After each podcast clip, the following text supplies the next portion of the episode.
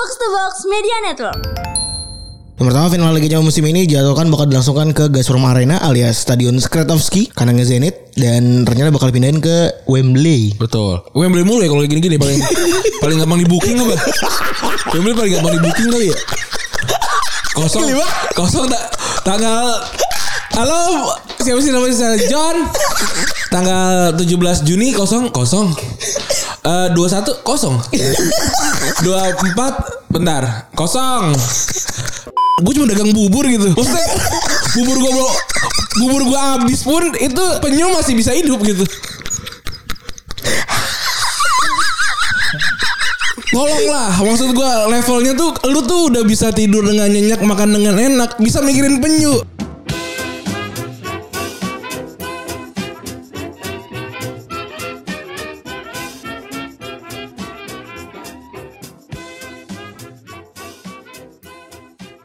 Podcast Retropus episode ke-377 ya? Eh 70 berapa? 8. 378 Wah banyak sekali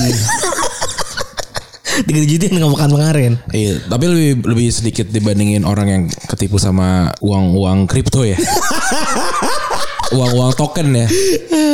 Kemarin gue diceritain sama Pange, Pange bilang gue tuh mencoba untuk beli salah satu token punya artis, dia aja 40 menit. Which yang berarti mama yang begitu tuh gimana ya? Iya, artinya berarti kemungkinan besar adalah Pange gaptek. iya dong kan nggak mungkin kan nggak mungkin mama itu ada orang yang mengarahkan kan nggak mungkin lah masuk akal aja gitu loh pikir-pikir aja nggak mungkin karena oh kita nggak usah namain variabel lain berarti ya. Iya. Yang fokusnya ke Pange aja kan. iya maksud gue Pange tuh gaptek banget berarti. mama aja bisa gitu Iya. dan aman gitu bisa maksudnya yang yang namanya token-token ini tuh memang pasarnya tuh pasar mama gitu loh Iya. Maksud gua yang kenapa? Biasanya nyari bimoli itu sekarang. Iya, maksud gue kenapa Pange bikin atau orang-orang pada ikutan token-token gitu sih maksudnya? Itu udah bukan kita, udah bu- udah udah bukan generasinya kita itu generasinya mama. Iya udah gak valid lah kita ngomongin Iya. itu enggak lah. Aduh, heran gue. Ini ini, ini autokritik saya ini kepada eh, kepada orang-orang yang masih mencoba token ini ya. Ini untuk ibu-ibu gitu. Pange yang yang hidup di dunia internet aja kan 40 menit. Dan di interest sama kripto Sama serta kripto. NFT ya dan, dan Iya. Bitcoin dan lain-lain nanti blockchain gitu-gitu ya. Iya, dia 40, 40 menit loh. Artinya memang emang udah nggak nggak meant to be untuk dia gitu. untuk, untuk mama yang yang kebetulan memang di luaran sana gitu loh, yang memang eh, memang fans sama Ashanti gitu karena karena karena Ashanti bagus. Apa sih dia? Ashanti itu kenapa sih dia? Ini kenapa sih Ashanti kenapa bagus gitu? Kenapa sih Ashanti terkenal? Lagunya bagus. Iya, Kan jangan memilih aku kan bagus tuh. Eh bukan itu, jangan siapa nggak tahu gue. Eh, ini tuh ya. bagus lah pokoknya. Iya pokoknya bagus gitu kan. Dan Anang juga bagus. Iya benar. Keren. Dan gue rasa mungkin pembelian koin buat mama ini semudah membeli dan membayar token listrik gitu. Betul, apalagi kalau yang yang menjualnya adalah orang Artis. orang-orang yang yang punya background agama gitu maksudnya. Keren banget. Maksudnya gitu loh.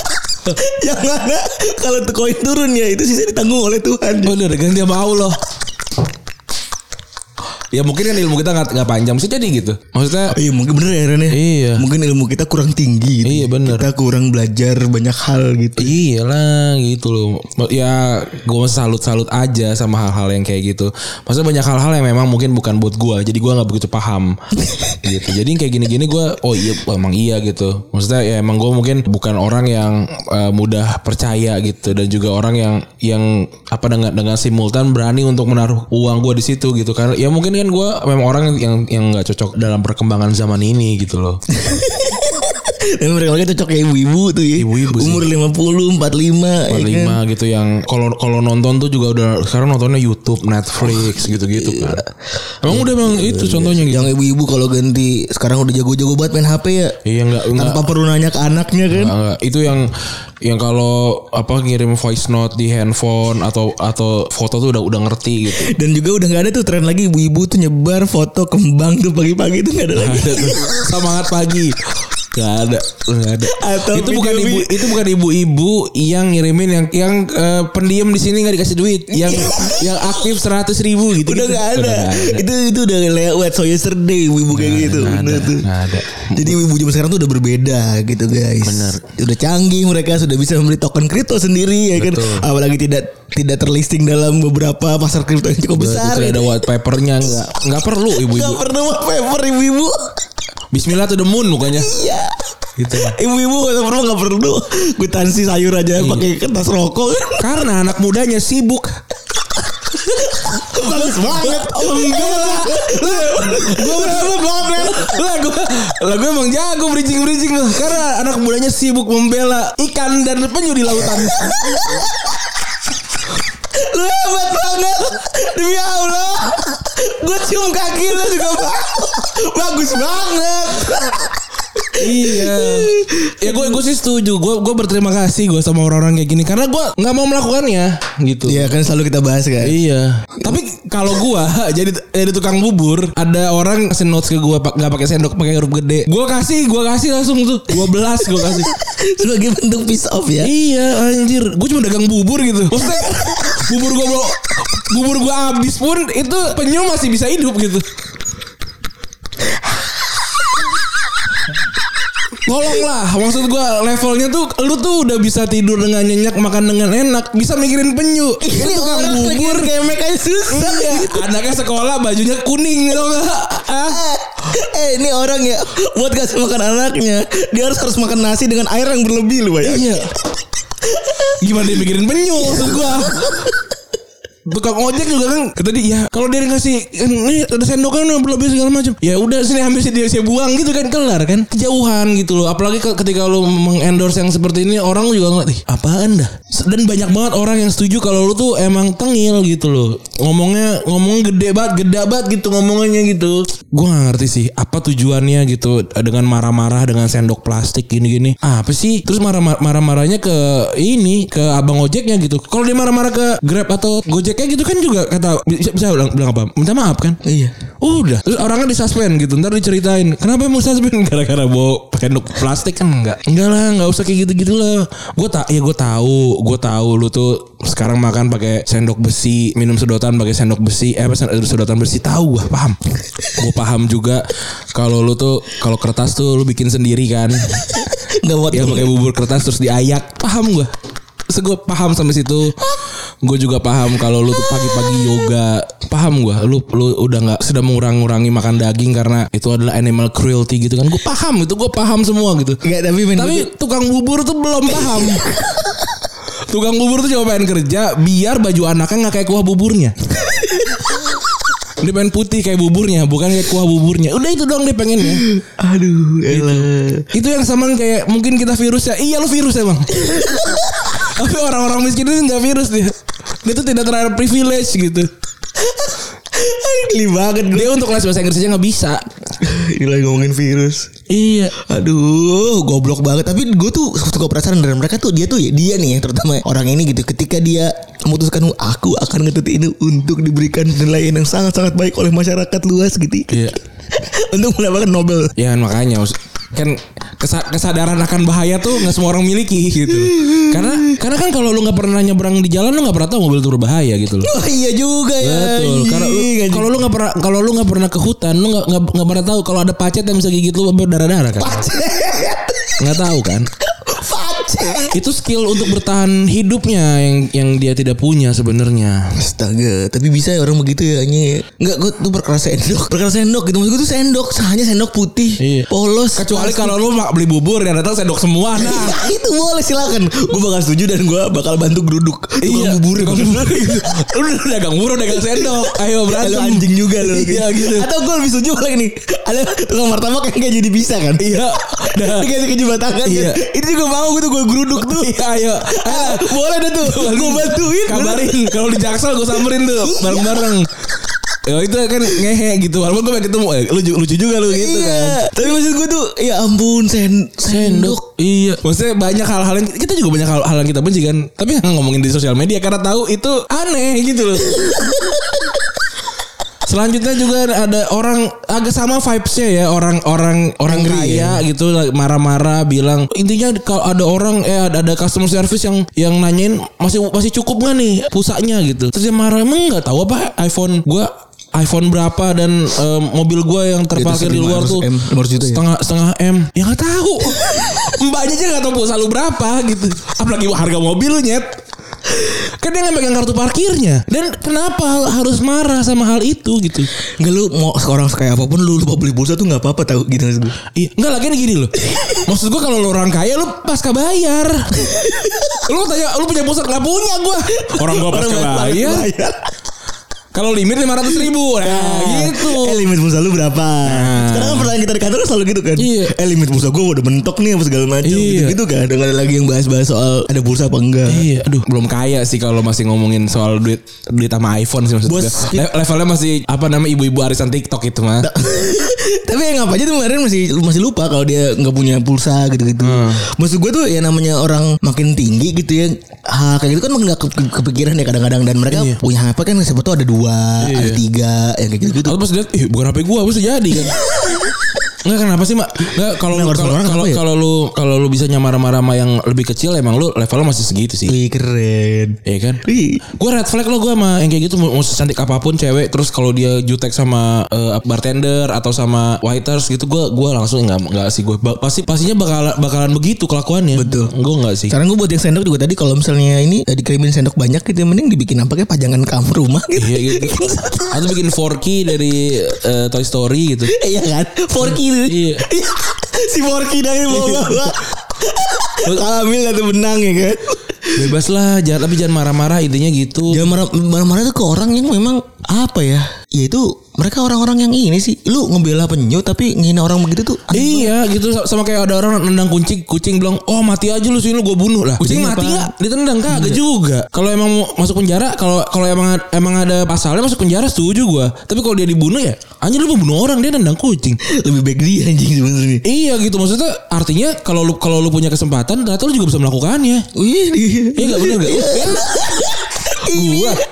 kuat-kuat yang ditunggu-tunggu.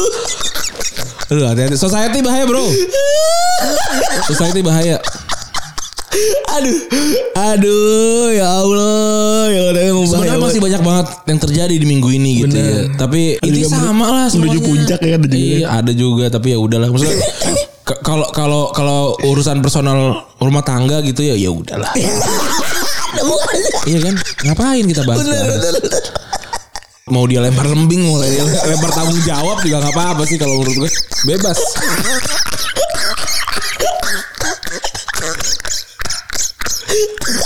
Aduh, batuk gue.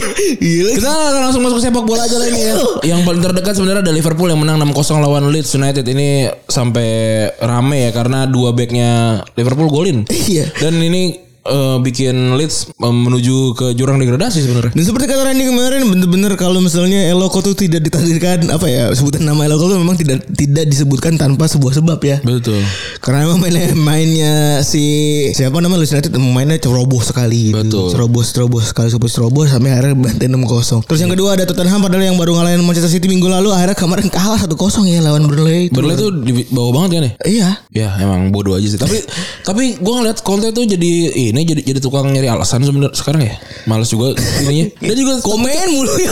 taktiknya juga nggak bagus gitu Iya. men lu kalau boleh komen kalau taktik lu bagus anjir waktu lawan City juga itu ya itu karena City memang terbuka itu Dan ya bener sih bener kata lu sih Ran kalau taktiknya lu maksud gue lu ngadepin orang kan harus ini ya harus Iya. apa namanya bisa beradaptasi gitu kan. ini kayaknya kalau Tottenham ketemu sama Atletico Madrid orang gak ada yang mau nonton kali saking bosan ya Enggak dua-duanya lagi komentar doang. iya enggak enggak kalau kalau mungkin kalau yang pendengar lama tahu lah gue gue tuh sa- sangat suka permainan bertahan gitu ya maksudnya ber- bertahan bukan bukan masalah buat gue tapi itu Tottenham bukan bukan cuma main bertahan mainnya aneh aja kagak jelas gitu Bener-bener Pakat gue Mainnya bener-bener tidak jelas gitu Arahnya visinya mau gimana Dan Iya. kayak gimana Kayak apa gitu. kualitas pemainnya ya ya walaupun bukan top tier tapi maksudnya ini ada Harry Kane, ada Son juga, Ada ada Kulusevski. Segala macam bagus Ada sebenarnya. Kulusevski Backnya juga bagus gitu Iya. Kiri kanan juga aman Ya kalau gue yang bawa main di FM juara lah nih.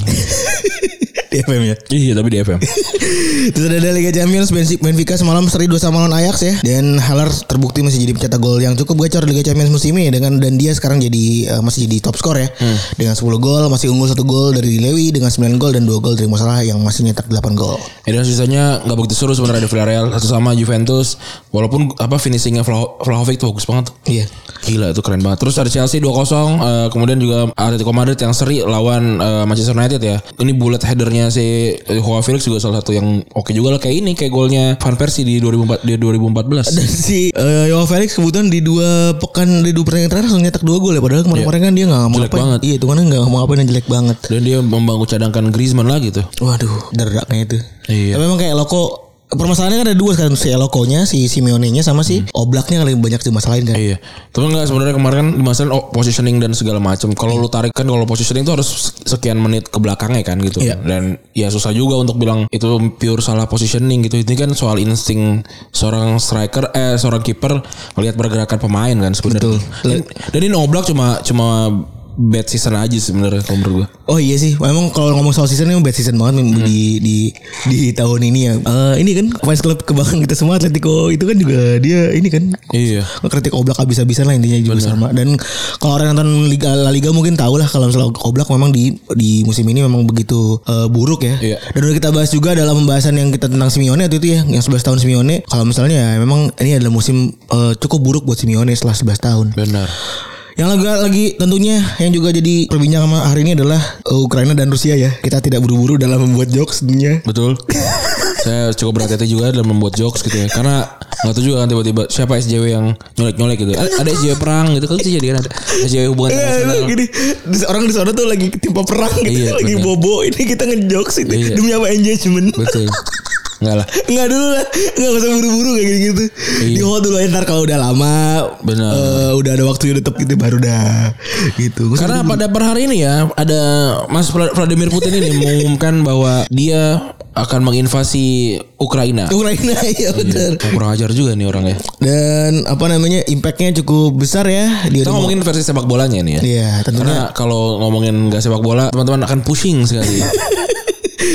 dari tweet-tweetnya tuh cukup cukup menyer- menyeramkan. Dari laporan Twitter yang mana dibilang kalau ada yang ikut campur kalian tidak akan me- me- apa namanya mengetahui pembalasan dari saya gitu ya, rasanya kayak gimana. Terus juga secara nggak langsung perang yang dilakukan sama Rusia ini dan Ukraina ini mempengaruhi banyak pagelaran olahraga. Iya. karena ada beberapa event besar yang diselenggarakan di Rusia. Betul. sebagai bentuk boykot penyelenggara-penyelenggara event ini terhadap Rusia. Yang pertama final Liga Champions musim ini dijadwalkan bakal dilangsungkan ke Gazprom Arena alias Stadion Skratovski kandangnya Zenit dan rencana bakal pindahin ke Wembley Betul. Wembley mulu ya kalau gini-gini paling paling gampang di booking apa?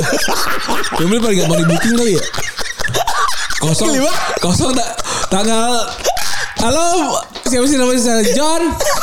Tanggal 17 Juni kosong kosong. Eh 21 kosong. 24 bentar, kosong. 30 30 kosong. Nggak ada yang sewa ini ya. Cuma kita doang yang sewa nih. Ini orang payu mobilnya sih. Iya. Padahal nih kalau kita lihat-lihat ya kalau Gazprom Arena kalau ibaratnya di sini mirip sama Pertamina Arena kali ya. Iya iya sepak- gitu ya. betul betul betul itu persis banget tuh karena itu BUMN, BUMN ininya -nya si Ru- Rusia Rusia ya. dan juga F1 di Rusia bakal dibatalin dan diganti sama GP Turki habis itu si Gazpromnya sendiri sebagai salah satu sponsor banyak dari pagelaran sepak bola dunia itu juga dikecam oleh banyak pihak sama Salka nih Salka tiba-tiba disalahin Ini anjing udah degradasi. Jadi udah degradasi susah hidup hidupnya. sponsor disalahin terus proyeknya juga berhenti proyek pipa kayak pipa Iya, lintas di benua stop, dia di stop diberhenti. sama Jerman. iya bener Kan di, di ini kan di bukan di embargo ya. Tapi sih aja Gazprom nih lucu ya dia ngomong tadi di berita ngomong ke badan ini Eropa alias EU kan dia bilang "Mu- Iya, Berarti BTP-nya nih ya. Pak Basuki ya Iya nih. Pak Basuki Snovski nih Iya nih. Pak Basuki Snovski nih ya Eh, jangan, bu, jangan, jangan lu Purnama pasti ada bahasa Rusia tuh tapi gua nggak riset masalahnya. Iya. Pak BTP-nya ini ya, Pak Iya. BTP dari eh, Mas Gazprom ini ya. Dibilang jangan mukul lu mukulin gue mulu anjing gue kan bukan yang perang gitu deh gitu. Tapi ya ya maksudnya dia kan harus menyelamatkan bisnisnya juga ya. Jadi dia wajar kalau mikirin eh, diri sendiri juga gitu. Terus ada lagi eh, uniknya ownernya si Chelsea kan si Roman juga dikatakan kalau misalnya dia akan diperlambat ya. Apakah diperlambat lini bisnisnya di Inggris. Yang pertama tuh Inggris bakal ngasih kebijakan yang bakal berdampak ke dia kalau pebisnis Rusia di Inggris bakal dipersulit. Betul. Terus yang kedua dalam report yang beberapa report yang berada di media tadi ketika eh, di riset itu Abramovich bahkan nggak bakalan akan unlikely buat bisa datang lagi ke Inggris selama perang masih berlangsung. Kalau dibilang oh ini kan personal dan segala macam. Iya, tapi dia juga dapat kekayaan dari Rusia masalahnya itu sih. Jadi gua ngerasa hukumannya bisa divalidin lah. Benar dan juga memang kan si Abramovich juga kaya dari perpecahan Uni Soviet kan. Iya benar. Terus sebenarnya kalau ngomongin soal sepak bola dan perang ini eh, kayak gimana sih hubungannya gitu ya kan? Pasti eh, dari Rusia dan Ukraina ini yang sebenarnya nyangkut-nyangkut eh, sepak bola dijadiin alat politik apa dalam dalam dalam perang kali ini? gitu. Sebenarnya hembusan nafasnya kan udah kecium sejak dari Euro, Euro tahun lalu kan ya. Presiden Rusia waktu itu protes karena jersinya Ukraina. Iya. Gara-garanya ada wilayahnya si Crimea itu ya yang di dalam peta itu kan. Betul. Jadi kalau lu lihat pe- peta tuh ada ada bentukannya dia kepisah sendiri gitu dari Betul. dari Ukraina semenanjung Crimea ini masuk ke dalam bajunya si Ukraina kalau lihat desainnya tahun 2020 kemarin kan dia ini kan apa eh Euro 2020 kan dia ada apa eh, bendera eh bendera apa namanya eh, peta Lambang- gitu kan. Peta ya benar. Dan itu dikritik sama Federasi Rusia yang bilang kalau misalnya kamu menaruh perhatian pada penggunaan motif politik di jersey nasional tim eh, nasional Ukraina. Padahal itu kan peta. Peta yang, peta yang diakui sama UN gitu loh. Sama orang-orang sama seluruh dunia gitu. Kalau lu nggak ngaku ya kata Ukraina ya is bebas. yang bertentangan dengan prinsip dasar peraturan UEFA. Padahal kan itu peta doang negara dia. Peta, kan. peta. Kayak kita make Indonesia sebagai ini veteran di Iya. ya. Dan motif politik yang Rusia adalah tampilan peta Ukraina termasuk ya itu tadi lu bilang ya dan Crimea. dan, eh, dan ada Donetsk tiba-tiba keselak gua anjing. Lucu banget tuh keselak naik ke hidung. Udah panas banget. Donetsk kalau nggak salah ngomongnya sama sama Luhansk. Dia juga protes karena di belakangnya ada jailah Ukraina, Ukraina dan jailah para pahlawan kita. Kenapa emang? Di negara orang aja. Iya. Nggak lu apa sih itu? Busuk busuk ada lagi yang busuk busuk juga pahlawan tuh apa sih ya waktu Malaysia iya, iya iya boleh sih Oke lah. Iya. Silakan lah. Kita setuju-setuju aja kalau busuk-busuk emang pahlawan nggak apa-apa. Jadi ternyata slogan tersebut itu populer dalam debat pengulangan mantan presiden Ukraina pro Rusia waktu itu adalah Viktor Yanukovych. Yanukovych. Yanukovych ya, tahun 2014 dan Pre- presiden eh, Ukraina Vladimir Zelensky. Iya. Jadi hari ini kita akan membacakan nama-nama aneh ya. Iya. Sampai bawah dia akan nama-nama nama aneh. Yang ngasih komentar ngompor-ngomporin malah ya. Iya. Jersey ini adalah eh, simbol penting yang menyatukan warga Ukraina dan Luhansk Iya. hingga Huzhorod dari Srnev hingga Sevastopol. Uzhorod dari Cherni Cherni Chernihiv dan Sevastopol. Iya. Negara kita adalah satu dan tak terpisahkan. Crimea adalah Buntu dari tadi Dari tadi gue sama Rani ketawa Tiap kali nulis Crimea Karena gue yang cacing kremi aja Di pantat tuh gatel Sorry ya balik lagi Crimea adalah Ukraina Kalau dia ngomong kayak di, dulu di buku buku kita di biologi itu cukup gore ya. Ada tuh kan cacing kremi keluar dari pantat kan. Ada Gila ya. Iseng banget tuh. Ih, Lu pernah gak? Enggak enggak anjir. Pernah? Enggak gua. Gak pernah lah kan gue gendut tuh enggak mau cacingan. Cacing kremi gak pernah lah Nggak pernah Tapi mata, mata gatel kremian pernah kan? Pantat gatal pernah kata mah akan kelapa. Iya Gara-gara gue gak ada lauk Gak ada lauk itu itu kan itu kan cuma folklore orang miskin. Eh enggak tapi itu make sense rata-rata Oh, iya? Gadon lauk tuh gini Gadon lauk tuh konsepnya adalah Lu keluar main Langsung nyamut makanan Itu tangan-tangan lu gak Hmm. Kalau itu jorok. Iya memang kan karena jorok kan Karena sebenarnya gini loh, nugget itu kan isinya 30. Iya kan? Saya saya setia menunggu Ya yang nggak maksudnya ketika, ketika ketika waktu kecil kan kita kan sekali makan kan tiga doang gitu kan. Enggak gue kesel Sebenernya setelah kita kan mencari duit Terus kontang manting Iya. ya gitu Kenapa sih Emak kita tuh ya nugget dipecatain gitu gitu Apa Iya. sih kawan gitu loh Kalau sekarang tuh gue makan empat juga gue Iya gak apa-apa gua gua waktu pas gue punya duit langsung gue beli nugget langsung gue goreng semua gue. Cita-cita ya iya. Makan nugget terus pakai nasi gitu-gitu kan. Sebenarnya sebenarnya lebih ke situ kok si tadi kremian tadi gitu. Dan jatah kan 10 kali kan mungkin dia beli tiga gitu kan. Baru ntar buat buat sebulan gitu. Tapi gue pernah Ran boker Pas gue boleh tainya ada cacing Anjir aneh banget. Gue enggak sih gue. Gor banget ya Iya. Tapi gak pernah itu gara-gara itu temannya Pak Martin Ka- kangenan tuh ya yang bikin tuh ya kan fisika Kalau biologis siapa ya gue lupa aja. Ah, siapa sih? Ah, na- na- Nama-nama besar juga, tapi itu lah. Dari Erlangga kan. Pokoknya temennya koncone Pak Martin Kanginan lu. Iya, gua kita cari kali. Sambil ngomong gue cari tulis buku.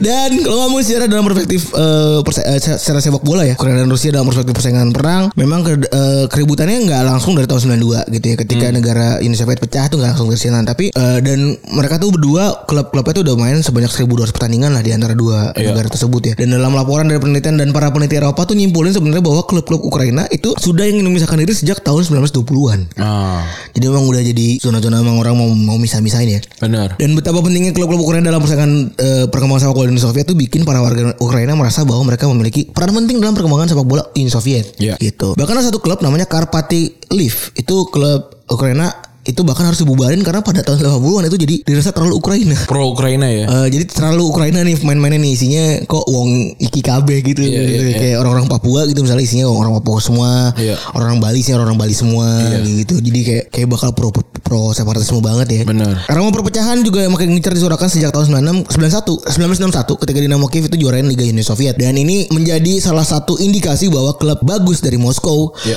eh klub bagus di Uni Soviet tidak hanya adalah tidak hanya klub yang berasal dari Moskow saja tapi juga ada di klub-klub lain non Moskow dan para supporter enam tim terbesar di Ukraina itu secara tidak terus memiliki semangat anti Uni Soviet. Mereka selalu nyuarain beberapa anthem di antara all flag is yellow and blue Ukraine will be free or fatherland will be independent. Anjing Iya. keren nih sepak bola nih emang selalu ada sangkut pautnya sama Memang harus Perang, begitu. iya. Kalau kalau bilang wah jangan masuk ke sepak bola kepada politik. nggak bakal bisa kan? Susah. Kecuali kalau emang ini politik-politik yang yang begini nih. Praktis. Emang ngehe. iya itu praktis ya Tapi kalau ini kan politiknya adalah mereka demi men- me- mendapatkan apa yang mereka cita-citakan ya maksudnya apa kemerdekaan terus juga ngasih ideologi-ideologi kan kalau kita kan polit- politisi masuk gitu. Benar. Beda. Beda konsepnya. Nah, ini puncaknya terjadi ketika di tahun 1989 bendera Ukraina berkibar di Stadion Dinamo Kiev. Wah, Iya. ini berat juga nih. Sedangkan kan eh, Uni Soviet pecah baru tahun 1992 kan? Iya. 92 kan benar ya pecahnya. ya? Iya pokoknya kurang Pecah pertama kali ya, maksudnya kan belum belum pecah jadi kayak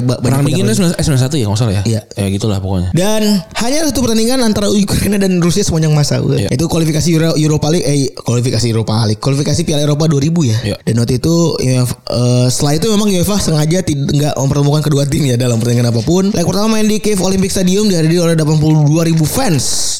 Terbanyak dibanding laga kualifikasi yang lain. Wah, libur nasional kali itu ya. Kayaknya sih Datang gitu. semua tuh. Laga leg pertama menang Ukraina 3-2 Eh, dan di leg kedua di Moskow 80 ribu penonton termasuk Vladimir Putin. Datang dia. datang nih Mas Putin datang nih laga satu sama dan akhirnya Ukraina lolos ke Piala Eropa 2000 Hmm. Ekspansi kan juga si Gazprom ini kan adalah bagian jadi sport washing juga kayaknya Iya. karena setelah Orange Orange Revolution itu adalah protes antara pemilu Rusia tahun 2004 sampai 2006 itu mereka memutuskan buat mereduksi produksi gas ke gas alam ke Ukraina ini Iya. sekaligus ngamanin dukungan dari negara Eropa Barat melalui si Gazprom sendiri karena kan sih jadi karena Rusia ini tim-timnya busuk-busuk semua ya kan jelek-jelek ya kan sementara di Ukraina banyak banget klub-klub yang bisa mendobrak tiba-tiba kan Iya. kayak Shakhtar Donetsk Denny Denny Denny Pro. Doni Pro ya. Iya benar. Shakhtar Donetsk itu. Oh, oke banget Donetsk. Donetsk. udah, udah kayak ini banget gue tuh. Siapa namanya Hel Hadra tuh jadi jadi mesin dia namanya. Armin. Eh siapa? Armin. Armin ya bener. Armin siapa gue lupa. Armin Zola. Armin Zola. Gue bayangin koruptor si Zola itu. Terus akhirnya mereka ngubah strategi mereka dengan menggunakan Pertamina-nya mereka ya. Iya. Areas ini buat menyebar ke jadi sponsor di klub mana-mana pun ya. Betul. Beberapa klub disponsori sama Gazprom, di antaranya ada Zenit, dibeli, diakuisisi Iya. untuk klubnya.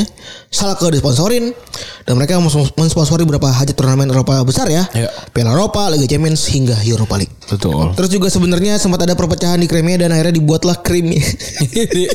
Punten banget saya agak ketawa. Krimnya Krimnya meletus dia. iya. Ini terjadi ketika perpecahan di Crimea meletus ya. Chairman dari Chairman dari Gazprom alias BTP-nya Gazprom Alexei Miller bilang kalau kedua negara harus memiliki turnamen perdamaian sebagai simbol perdamaian kedua negara. Akhirnya terjadilah di 2013 diikuti oleh Shakhtar Donetsk, Dinamo Kiev, eh, Zenit San Petersburg dan Spartak Moskow. Tampilnya di Kiev dan Moskow dan edisi, pertama dimenangkan sama Dinamo Kiev ya. dan edisi kedua yang niatnya dilaksanakan di musim dingin dinginnya gagal terlaksana karena udah tinggi nih udah pecah Bener. Kremi apa namanya? Krimianya udah pecah ya. Kemudian di tahun 2014 ad- terjadi pembuatan kr- Crimea Crimean Football League ya.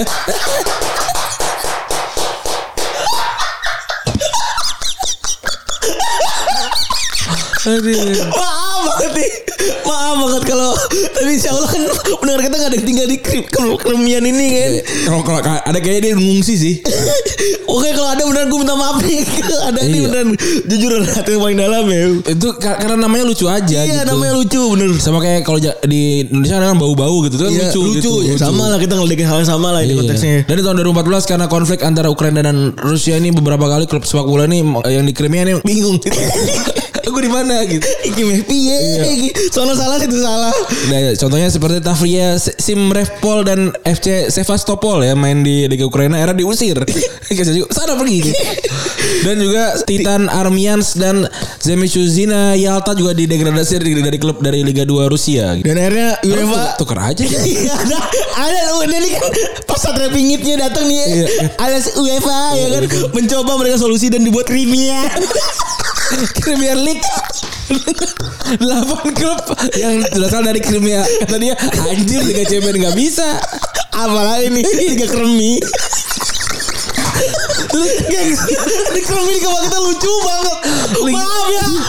Dan sedihnya lagi Liga Caribbean ini tidak populer. Aduh ya Allah kasihan.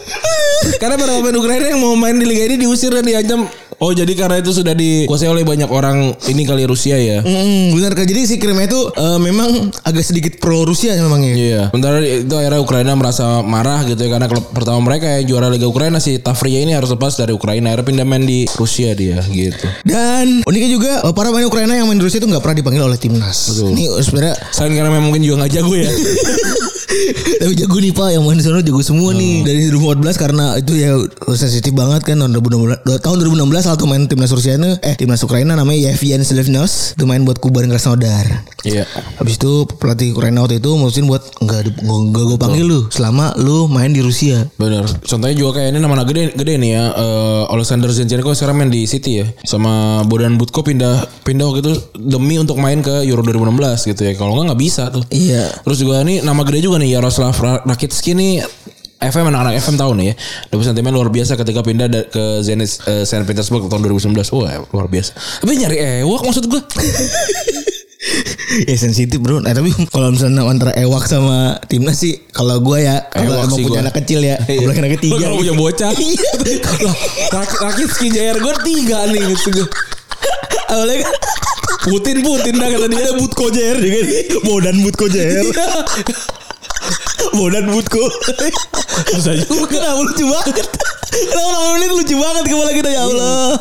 Apalagi orang-orang krimian nih. Iya, dan juga sebenarnya yang cukup ini ya cukup di, di- dikenal gitu sama sama skena bola nih soal Donbas Arena ya yang udah udah udah nggak ada sekarang mungkin ya, udah hancur kali ya. Terakhir tuh jadi tugu doang kayaknya. Betul. Padahal ini dibangun cukup mahal katanya. Iya. Terutama buat menyambut dulu Euro 2008 ya. Iya. Ukraina Dan Polandia. juga ya? sebenarnya Donbas Arena ini cukup menakutkan loh untuk untuk banyak tim Liga Champions. Betul. Sering, sering banyak banyak tim kalah di situ. Karena Shakhtar juga kan jago banget kan. Iya, karena kan ya ya inilah jagoan-jagoan dari Brazil kan pada di Shakhtar tuh banyak kan dan juga Eduardo juga waktu itu di Shakhtar.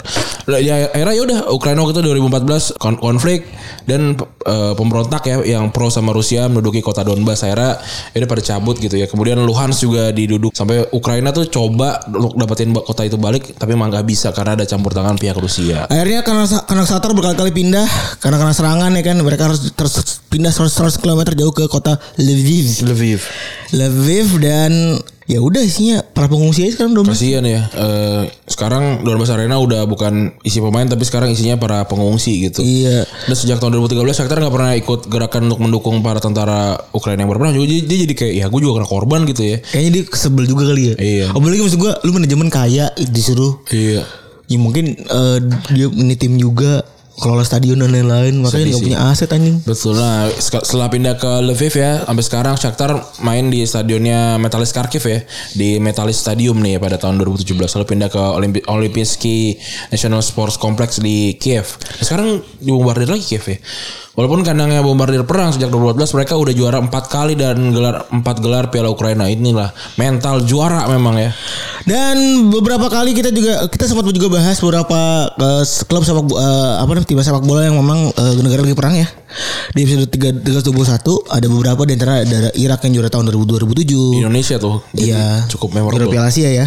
Terus juga ada perang saudara Pantai Gading tahun 2006 yang mana ketika lolos Piala Dunia itu mereka jadi damai ya. Iya. Drogba jadi pahlawannya. Perang di Niger- Nigeria sebelum di Olimpiade Atlanta waktu itu ya, Iya. tahun 96 berarti ya. Sampai nggak nggak punya ongkos kan. Sampai gak punya cerita cerita di dikenang ya. Iya. Terus juga ada pesepak bola Afghanistan yang Sampai eh, sekarang juga mungkin nggak jelas kali. betul. Tapi kalau kalau kita bisa lihat ya ini sepak bola tuh eh sepak bola perang itu memang memang sangat mempengaruhi semua lini termasuk eh, olahraga gitu. Jadi jadi semoga nggak ada lanjutannya dan semua negara coba inilah coba berpikir dengan jernih gitu. Apakah ini akan ada perang dunia ketiga gitu? Maksudnya ini kita bahas pandemi juga gitu ya, males juga. Nanti lah gitu, gue gua gua nggak mau nggak mau terlalu banyak ikutan event-event gede gitu loh maksudnya. Satu aja pandemi itu, ntar perang gue nggak ikut gitu maksudnya. Males gue. iya Indonesia apalagi gak usah ngomong dah. Iya Indonesia ntar dulu jahatnya dulu jahat. Itu gue keburu keburu tewas. Sama golf tuh. Iya, golf 3 m. Juga. Itu teman-teman gue yang artis main golf bayar sendiri gitu. Nggak ada Kita dia. juga punya kok teman artis yang main golf ada. Iya, banyak pak. Apa janjian mereka janjian nggak bayar sendiri juga anjing juga kali itu ya. Nah gitu kali ya untuk episode kali ini. Eh, selamat weekend teman-teman. Gua Randy cabut. Gue Febri cabut. Bye.